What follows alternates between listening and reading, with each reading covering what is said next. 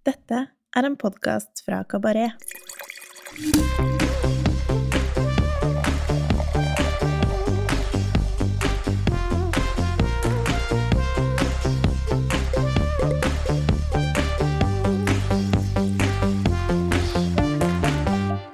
Hallo, hallo. Velkommen til Ukas vin, en podkast fra Kabaret, der vi hver uke tester én vin som vi enten digger eller har trua på. Jeg heter Tommy Andresen, og i denne episoden har jeg med meg Rikke Delange, vinansvarlig og restaurantsjef på nyåpnede Holtzweiler Kafé Platz i Oslo. Hallo, Rikke. Velkommen Hei, igjen. hei. Hallo, hallo. Alt bra fremdeles? Ja, veldig bra. Godt å høre. I dag er det eh, nok en gang Spania som står på plakaten eh, for oss. Et eh, vinland med eh, vanvittig flyt om dagen, eh, etter min mening. Men regionen vi tar for oss i dag, er nok eh, mest kjent for sånne litt mer tradisjonelle og klassiske viner, nemlig Castilla y León. Eh, For meg så er nok ikke regionen i seg selv den aller mest innovative og spennende, men et, eh, jeg synes det er et godt eksempel på at man ikke må avskrive en region, for det finnes alltid liksom spennende produsenter som gjør kule, kule nye ting. I Castilla y León generelt så er jo kanskje navnene som eh, Pingus, Vega Cecilia og Diminio del Agila mest kjent for å lage klassiske Tempranillo-dominerte viner i Rubera del Duero, mens eh, for eksempel eh, Goyo Garcia Viadero er en eh, litt sånn mer nytenkende vinmaker som også jobber med samme drue, men som gjør litt mer moderne uttrykk, for eksempel. Han redefinerer jo på en måte regionen med et litt mer fruktdrevet uttrykk, og eh, Veronica Ortega produserer eh, fine viner i Bierzo, og eh, Telmo Rodriguez har et spennende prosjekt i Sebreros. mens området eh, Rueda, som vi skal til i dag, eh, nok må kunne kalles en liten, liten underdog i, eh, i Castilla y León. Ismael Gozalo, eh, som vi skal smake vin fra, er for meg den absolutte sjefen i regionen, men produsenter som José Pariente Menade også lager eh, greie ting. Eh, har du noe forhold til eh, regionen, Rikke? Jeg har ikke det største forholdet til regionen. Jeg har uh, jobba litt grann med Goyo Garcia, Mm. og eh, Veronica Ortega har jeg eh, smakt ganske nylig, faktisk.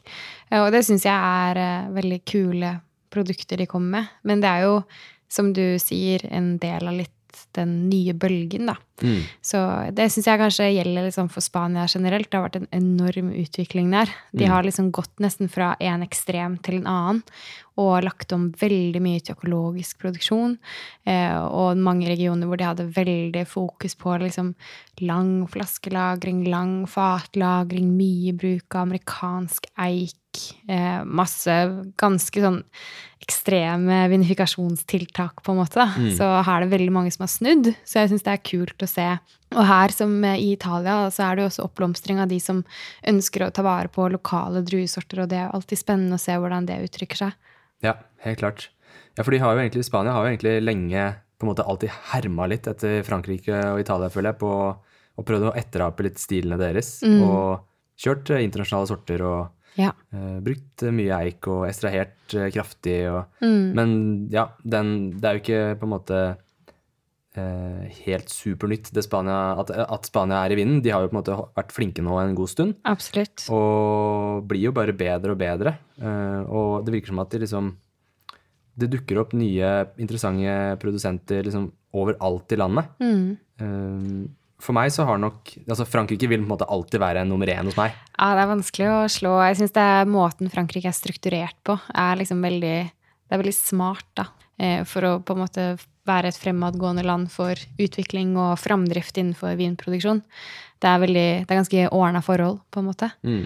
Eh, Så Spania har jo på en måte også hatt eh, eh, ikke utfordringer, men de har kanskje kommet litt seinere på banen da, med vinlov og på en måte sette hele produksjonen i system. Så, mm, så det har jo selvfølgelig litt å si. Og så er det jo, som alle andre land, veldig store forskjeller innad eh, i hvilke regioner man er i, ut Mm. fra hva slags klima og, og forhold som finnes der. Så jeg syns det er spennende å se at det skjer utvikling, ja. Litt som du sier, på alle fronter, da, og prøver å følge med så godt jeg kan. Ja, ja for det er, eh, det er vanskelig å holde oversikt. For meg så har også Spania alltid vært litt sånn vanskelig å få grep på. Mm. Eh, og på en måte bli kjent med, med alle de lokale druesortene er jo én ting, og regionene og Mm. det er jo Frankrike er liksom litt lettere å på en måte holde oversikt over de ulike regionene, syns jeg. Ja. Eh, men Spania begynner å seile opp som en eh, nesten som en tydelig toer for min del. altså Nesten fremfor, foran Italia i, Mm. Ja. blant liksom personlige favoritter. Det er jo Eh, ganske mye mer oversiktlig, syns jeg, da, enn Italia. Ja, Italia er enda verre. det er et veldig godt poeng. Men sånn, kanskje spesielt i Spania så tror jeg jeg tror jeg må si at f.eks. Catalonia og, og Galicia syns jeg står frem som blant de mest eh, spennende regionene om dagen. Det er så mye kule produsenter. Sånn I Catalonia eksempel, så har man jo veldig sånn nytenkende folk som Oriol Artigas, Cosmic Vinaters, Mm. eh, Terroir al Limit, mm. Bodega Clandestina, Kansumoy og La Salada. Det er en, mange navn å ta av. Mens i, i Galicia så er det en litt sånn annen stil som gjelder. Litt sånn ja, freshe, saltaktige, hvite, mineralske viner og Mencia-baserte røde viner, som er av liksom, topp kvalitet. Og masse, masse spennende navn. Litt mer eh, etablert eh, region, eh, for så vidt. Sånn Dominio Dobibey og Rafael Palacios, Telmo Rodriguez, Gimaro, eh, Fedelos de Coto. Dette er jo navn som har på en måte vært litt lengre på en måte kjent Mm. i Norge som på en måte det nye Spania. Ja. Og stå fram med liksom skikkelig, skikkelig god kvalitet, mens i Catalonia er det kanskje litt mer eksperimentelle og Mm. litt mer gærne. Har du noen eh, favorittprodusenter i Spania selv eller ikke? Eller regioner, f.eks.? Ja, altså vi var jo litt inne på Veronica Ortega, hun er jo veldig kul. Men også i en litt annen region, da er vi jo i eh, Valencia, så syns jeg Bruno Murciano har kommet med veldig mye kult. Ja. Eh, og han har jo også tatt vare på gamle, gamle bobalstokker, da. Som, ja. som fins akkurat der. Og Valencia er jo egentlig en veldig sånn kommersproduserende region. Hvor det er mye rart, egentlig. Mm. det er en jungel av eh, eh, Jeg skal passe seg litt for å si dårlig vin, men det er mye dårlig vin. ja, ja. Mye, mye bulk. Mye volumproduksjon, ja. Ja. Eh, så, så han eh, fikk jo overta gamle bobalstokker, og det er også veldig liten produksjon. Jeg tror han har noe sånn fem hektar eller noe sånt nå. Eh, og han lager også ganske sånn freshe, lette viner, da. Eh, og jeg syns det er et veldig kult eh, prosjekt. De vinene hans det er noe av de jeg har hatt mest suksess med, med å servere til folk som kanskje ikke er så De vet ikke helt hva de liker, eller de er kanskje ikke sånn at de har fokusert så veldig mye på eh, forskjellige typer vin, eller de vet bare at de har lyst på en god rødvin. Eh, og da har hans viner nesten alltid slått an, da. Så jeg syns det er kult å se at det på en måte kan passe gud og hvermann, egentlig. Og det er rimelig ganske greit prisa også, er det ikke det? Veldig snilt prisa. Mm. Så, og det kommer jo kanskje litt med regionen det, for at man skal overleve i det, det miljøet som Mm. finnes i Valencia, så må man nok legge seg eh, på et visst nivå, da. Eh, men det er et veldig kult eh, prosjekt som jeg tror bare kommer til å stige i kvalitet og utvikling. Mm. Ja, og jeg syns jo nesten at eh, altså Spania generelt er uh, et land med, hvor vinene er ganske sånn hyggelig prisa om dagen. Mm, Det ja. ikke, du må ikke måte betale dyre dommer fordi vinmarken, vinmarksprisene er dyre. Nei, ikke sant. Og så får man jo det som du var litt inne på med denne produsenten også, at det, det ligger ganske høyt. Og det er jo litt sånn klassisk akkurat der hvor vi er i Spania nå, at det er mange sånne platåer. Og da hjelper det jo med å kjøle ned vinmarkene. Så de som på en måte prøver å vende seg litt mer i den freshe retningen, da, de, de får litt hjelp av, av sånne klimatiske forutsetninger. Da. Så det er veldig kult å se hvordan folk justerer seg i forhold til hva de, hva de har å jobbe med. Ja, ja for det er jo veldig, et veldig ekstremt land som på en måte svinger i alle mulige retninger Ja. med tanke på temperaturer og høyde på vinmarkene. og Veldig. Se bare på vinmarkene til Kommando G og Mm. gutta oppe i Gredosfjellene. Det er ganske ekstreme Ja. forhold de må jobbe med. Det er heftig, altså. Ja. Så ja, det er, eh, det er skikkelig natur som bare man må ha respekt for og ta hensyn til. Mm. Så ja, nei, jeg syns det blir veldig kult å smake litt uh, flor. Det er jo morsomt eh, med det. Ja. Så, og det er jo noe som også krever liksom, arbeid og spesielle forutsetninger for å kunne bruke det. Mm. Så jeg syns alltid det er litt sånn morsomt at folk tør å satse på det. Mm. Eh, for det er jo ikke for alle, egentlig. Nei, og det som er litt gøy med flår, er jo at det, på en måte, du kan variere bruken så veldig av det. Du kan på en måte drepe laget etter bare en liten kort periode for å bare tilføre liksom en liten touch av det. Ja. Og det er nok, det er nok mer her vi er eh, på denne vinen, hvor du på en måte du, du på en måte tar ikke nødvendigvis flårpreget eh, direkte, men når du på en måte vet at det er der, så bare Å ja, det, ja nå kjenner jeg at det Det er gir mening, liksom. Ja. ja. Det er en liten touch, bare for å gi litt særpreg til vinen. Ja, kult. Så det er, eh, det er spennende saker. Morsomt. Spania de er flinke til å, flinke til å eksperimentere. Ja, og det er jo, jeg syns jo at det er jo enklere i en kjølig region som Galicia å følge den trenden som vi er i nå, Mm. som er lette, litt freshere unge viner. Så er det jo egentlig liksom skapt for å lage sånn type vin akkurat der, da. Ja. Men i resten av Spania, superkontinentalt. Veldig, veldig varmt om sommeren. Det er Mm. vanskelig altså, å få den type stilen som folk er på jakt etter nå. Ja. Så jeg skjønner at det er en utfordring. Eh, og det er, det er, man må tenke litt annerledes eh, for å kunne eh, få til det som, som folk har lyst på nå. Mm, helt klart. Ja, og, og regionen eh, Castilla y León, som vi skal eh, smake vin fra nå, er jo en av de som definitivt går under varmt klima, kan du si. Litt sånn nord for Madrid, midt, midt i innlandet. Yep. Kjent for uh, ganske sånn store, kraftige bomberande viner, Mm. Uh, som også kan være veldig godt, mens uh, Ismael Gozalo, som vi skal smake vin fra i dag, han leverer en litt annen stil, kan du si. Han står bak produsentnavnet Microbio Wines og holder til i den lille landsbyen Nieva i eh, Castilla y León. Et, eh, et stort eh, vinproduserende område, rundt halvannen times kjøring nordvest for Madrid.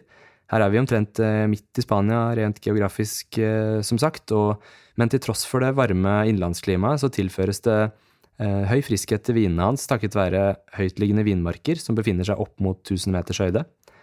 Gonzalo han er oppvokst i en vinmakerfamilie og begynte å sysle med egen produksjon allerede i 1998. Han var med å starte vineriet Ocean i 2004, men det var først etter at han forlot Ocean at han kunne satse for fullt på egen, egen produksjon. Gozalo jobber eh, økologisk i vinmarkene, som grunnet et sandholdig jordsmonn og den høye beliggenheten forble upåvirket av vinlusen filoxera, og er dermed helt latterlig gamle. Gjennomsnittsalderen på vinmarkene hans er 180 år gamle, og de eldste kan dateres eh, tilbake til 1748. Hele 273 år gamle vinstokker, altså. Blant alle de lokale druesortene Gosale jobber med, så er den helt klart viktigste druetypen Verdejo. En eh, aromatisk druesort fra Rueda-regionen. I tillegg til Verdejo så jobber han også litt med den lokale blå druen Rufete, samt litt Syrah, Garnacha, Mencia og Tempranillo. I hans eh, underjordiske kjeller, som ble bygd på 1100-tallet, så har Senor Gozalo en ganske eksperimentell stil. Det benyttes eh, flere ulike beholdere, som betong, gamle fat, amfora av leire, ståltanker og små eh, glassbeholdere kalt demijohns til gjæringen. Og vinene modner med, med ulik tid på bunnfallet før flasking. Noen viner lages med litt skallkontakt, mens andre presses direkte. Noen kuveer får eh, til og med litt påvirkning av flår for å øke, øke kompleksiteten, men uten at det domineres helt som i, som i sherry eller i Vernson. Alle vinene flaskes eh, ufiltrert, og svovel tilsettes i noen tilfeller hvis eh, vinene eller årgangen trenger det. Kuveen eh, Isse Vignador Sonjador er biodynamisk dyrket. Bitte liten vinmark på 0,58 hektar med over 150 år gamle vinstokker, planta i 1868. Det er et næringsfattig jordsmonn av eh, kvartsholdig sand og grus på 900 meters høyde. Langsom fermentering på amforaer av leire i omtrent 11 måneder, før det underveis dannes et tynt topplag av flår. Videre modning på ståltanker i ti måneder før flasking. Vinen er ufiltrert og usvovlet. Druetypen er 100% Verdejo, og på polet koster vinen 350 kroner og 20 øre. Yes, Rikke, skal vi smake litt? Ja, gjerne. Hei, det er Heidi fra nettbutikken vinskap.no her. Hos oss har vi lidenskap for vin, og derfor har vi laget en nettbutikk hvor du kan finne alt du måtte trenge for å dyrke din vininteresse. Hvis du ønsker å lære mer om vin, har vi gode bøker og masse annet læringsmateriell. Vi har glass fra Salto, Riedel, Grassel, Jenses Robinson og Lehmann. Og selvsagt markedets beste vinskap i forskjellige størrelser. Gi oss en lyd hvis det er noe du savner, og meld deg inn i kundeklubben vår for nyttige tips og gode tilbud. Besøk vinskap.no i dag. Oi. Ja, veldig spennende. Den her er jo det Nå ble det veldig mye sånn dog på glasset, da, men den her er jo kanskje det jeg vil kalle for eh, litt sånn cloudy. Ja. Veldig tropisk. ja. Og fargen er jo, hva skal man si, litt sånn ufiltrert, ganske lysende gul. Ja. Strågul, hvis det er lov å si. Det er lov.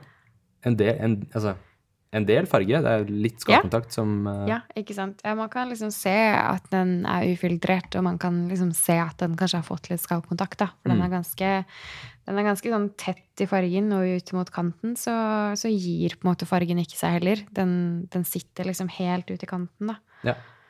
Det kan jo være, i og med at den har ligget litt på amforaer, så Mm. den lille luften kan også være med på å gi litt, litt Ja. mer farge, kanskje. Mm. Den er veldig spennende nese. Ja, den er veldig særegen. Den er unik. Eh, Jeg kjenner jo at Verdejo-karakteren kommer frem her, da. Den er liksom ja, til en viss grad druetypisk, i hvert fall. veldig tropisk. Veld, eller Den har noe annet. Eh, papaya, liksom. Eh, og litt sånn derre pæreis. den grønne. ja. Ja, jeg husker den. Men ikke sånn kunstig. Nei, jeg skjønner hva du mener. Eh, den er, ja, den er litt, eh, den er litt, litt tropisk, men den er ikke sånn oransje-tropisk. Den er Nei. mer gul-tropisk. Ja. Den, har, eh, den er litt sånn innom melon, Også litt sånn undermoden eller- ananas. Ja. Litt sånn undermoden tropisk frukt. Ja, ja. Ikke helt grønn, altså grønn Mm. papaya, Ja, den har liksom Ja. mango den har- som ikke er Ja. helt moden ennå. Den har noe veldig sånn ferskt over seg. Ja.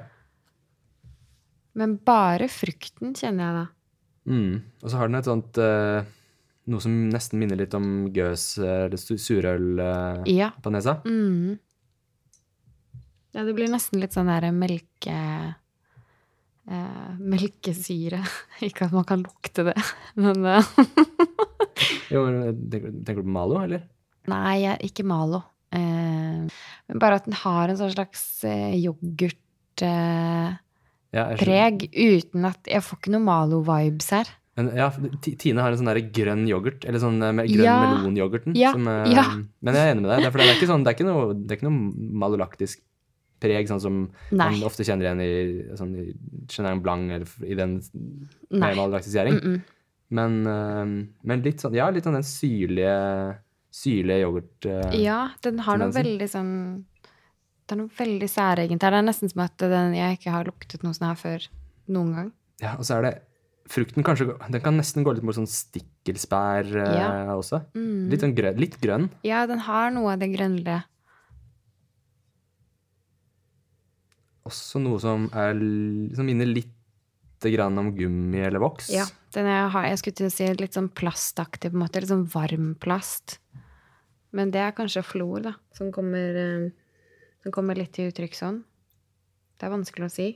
Ja, jeg er veldig spent på hvordan, det, hvordan florpreget påvirker Ja. vinen, og hvordan den ville smakt uten. Eller lukta uten. Ja, for jeg kan ikke liksom plassere det her i det hele tatt, egentlig. Nei, nei, ikke jeg heller. Det er et eller annet her som jeg ikke klarer å Jeg klarer ikke å plassere det. nei. Det er Ja, Det er en veldig unik stil, som er sånn skikkelig, skikkelig kuriøs og morsom. eh, ja, veldig morsomt. Å, wow. Det var en overraskende munnfølelse. Det ble en sånn utrolig dissonans. Ja. Heftig frukt, liksom. Skikkelig, nesten litt sånn sødmefull. eh, Men veldig mye freshere enn det jeg hadde trodd at den skulle være. ja. Mye mer konsentrert og på en måte slagkraftig i munnen enn på nesa. Men den har ikke så mye syre.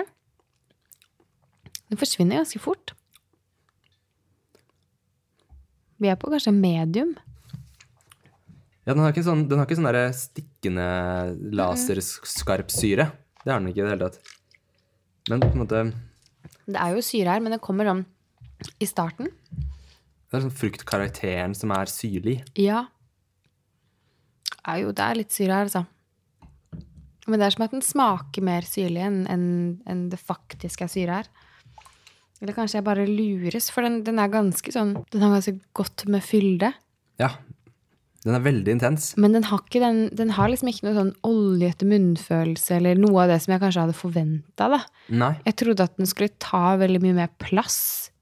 For meg så er det på en måte fruktkonsentrasjonen som er så intens. Og så er den litt sånn, den er salt i avslutningen. Mm. Og det gir en veldig sånn Akkurat som når du har salt i maten, så bare øker liksom smaksintensiteten. Mm. Og den får jeg litt med den, med den eh, vinen her, da. Det er sånn når du er i Asia, så sitter du og dypper litt sånn tropisk frukt i salt. Ja.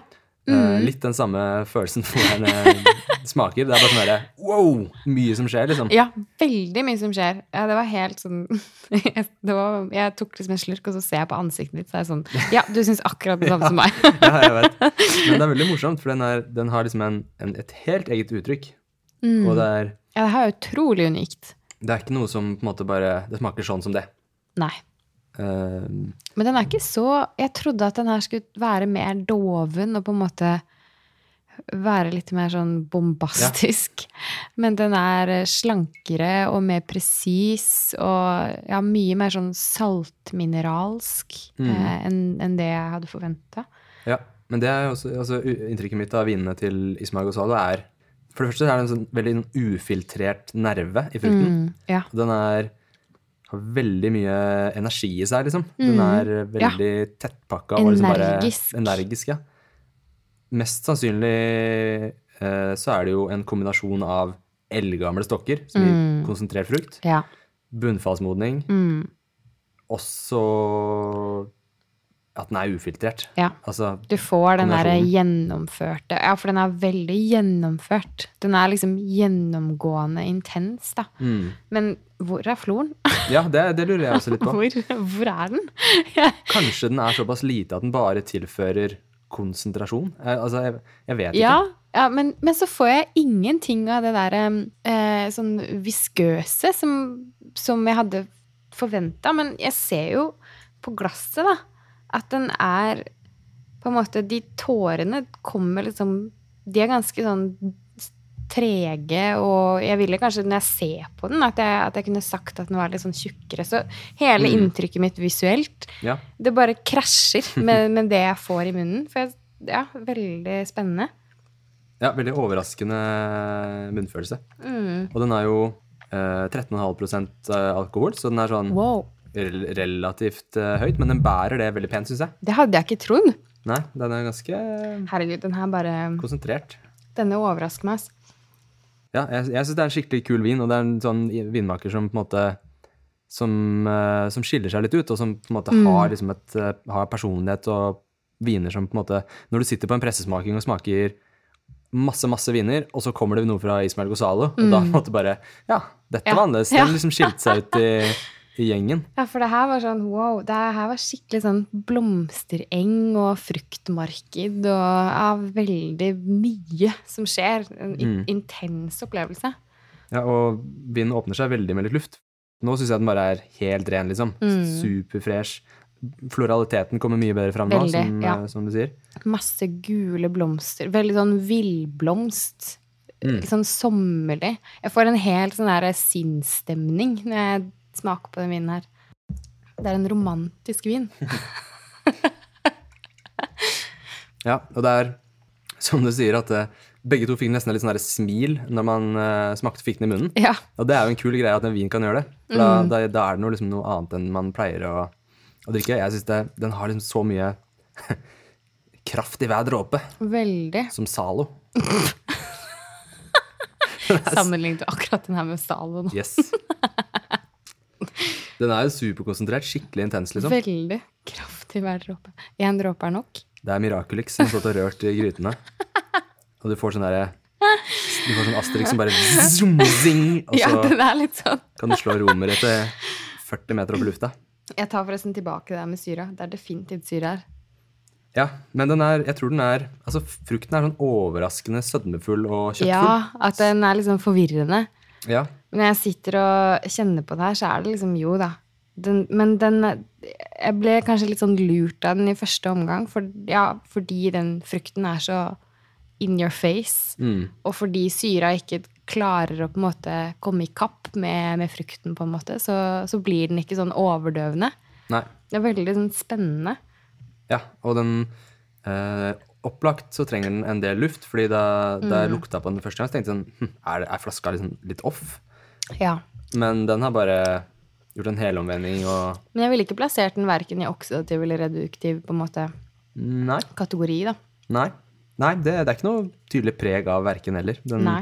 eh, vinifikasjonen er jo relativt oksidativ med Ja. Mm. tanke på at den er lagd på amfora, men, men uh, ikke, noe, ikke noe tydelig oksidativt preg, nei. Ikke i det hele tatt.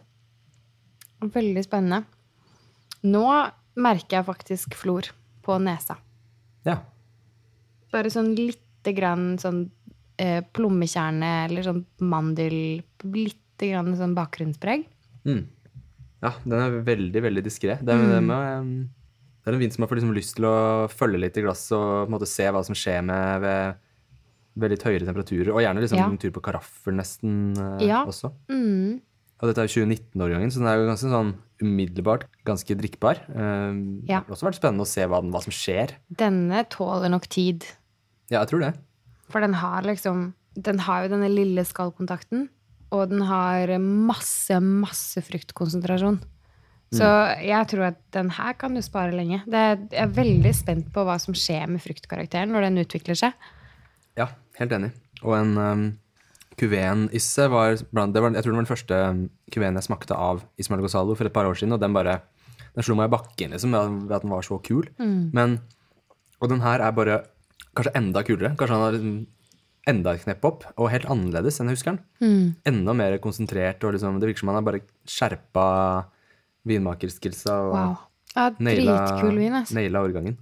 Ja, skikkelig Shit. kult. Jeg, jeg, jeg, hva skal man spise til det her, liksom? Det er et eh, Jeg veit ikke. Aner ikke. Her må vi nok ha noe som har ganske høy intensitet for at ikke vinen skal ta helt overhånd. For den har liksom veldig mange sånne intense knagger. da. Masse konsentrasjon. Det er godt med syre her. Den har ganske greit med fylde. Den sitter lenge i munnen, har mineraler. Den har veldig veldig mye å ta tak i her. Så her ville jeg ikke vært beskjeden eh, på, på tilbehøret, da. Den her eh, tåler nok litt grann mer fedme også. Em, så her tror jeg man kunne liksom gønna på litt. Grann, da. Altså umiddelbar tanke fra min del er litt sånn type hjerteskjell med litt sånn intent Altså litt sånn saus, eh, kanskje på hvitvin, eller noe som er liksom Ja, sånn intens sjømat. Ja. Kunne vært gøy å teste, i hvert fall. Jeg aner ikke om det funker, men Pasta, tenker jeg. Ja. Kunne vært godt. Med noe Absolutt. eh, litt sånn smørsaus og eh, Kanskje ikke helt på smørsaus. Vi får se, det er spennende. Jeg tror det sånn, det her må, ha jeg måttet teste litt. Grann. ja. Eh, fordi den er så mye forskjellig. Mm. Og jeg vet liksom ikke helt hva Hvis jeg hadde prøvd med pasta, da kanskje den hadde bare hadde fått helt feil fokus i vinen, f.eks. Mm. Kanskje litt sånn grilla grønnsaker kunne vært gøy Ja. å teste. Jeg tror den hadde tålt eh, hvit asparges òg. Det Ja. tror jeg hadde vært godt. Ja. Ikke grønn. Da vil jeg, jeg savner Ja, den har noe av det grønne, da. Så kanskje. Ja. Ja, det har vært morsomt å prøve. Det, er liksom, det, må, det må eksperimenteres. jeg, Ja, ja. å- Det er en veldig sånn eksperimentell Ja, veldig spennende, ass. Ja, det, jeg tror det, er- den hadde nok tålt ganske mye. I en lyst kjøtt hadde Mm. den fint tålt kylling, svin, kalv. ja. Og fisk, selvsagt. Ja. Piggvar. Ja, vet du hva, det tenkte jeg liksom på, eh, at det kunne vært ganske gøy her. Mhm. Litt Ja. eh, Ja, altså det er jo veldig fristende å kjøre liksom en smørsaus til piggvar. Ja. Og jeg, jeg tror den hadde rensa opp uh, greit. Ja, eh, jeg tror det hadde gått fint, faktisk. Og så er det jo litt sånn Den har jo på en måte munnfølelsen, eller tyngden til å hamle opp med en litt mer fyldig saus, da. Og det syns jeg kan bli godt hvis man har liksom en litt eh, kremt vin, på en måte, da, til en til mye fedme, så blir det litt sånn godt med smør på flesk, på en måte. Men jeg syns det kan bli veldig bra. Ja, ja. ja det må, her, må, her må det faktisk eksperimenteres litt med mat. Det, det er fristende. Du må bare drikke masse av den vinen her og spise masse god mat, rett og slett. Vet du hva jeg skal gjøre i helgen? Shit, det var spennende. Ja, veldig, ja, veldig, veldig kul vin, altså. Eh, da tenker jeg vi sier takk for denne gang. Følg med i neste episode. Da tester eh, jeg og Rikke en ganske elegant, men samtidig kompleks gamet gamé fra legenden eh, Guy Breton. Eh, adjø. Ha det bra.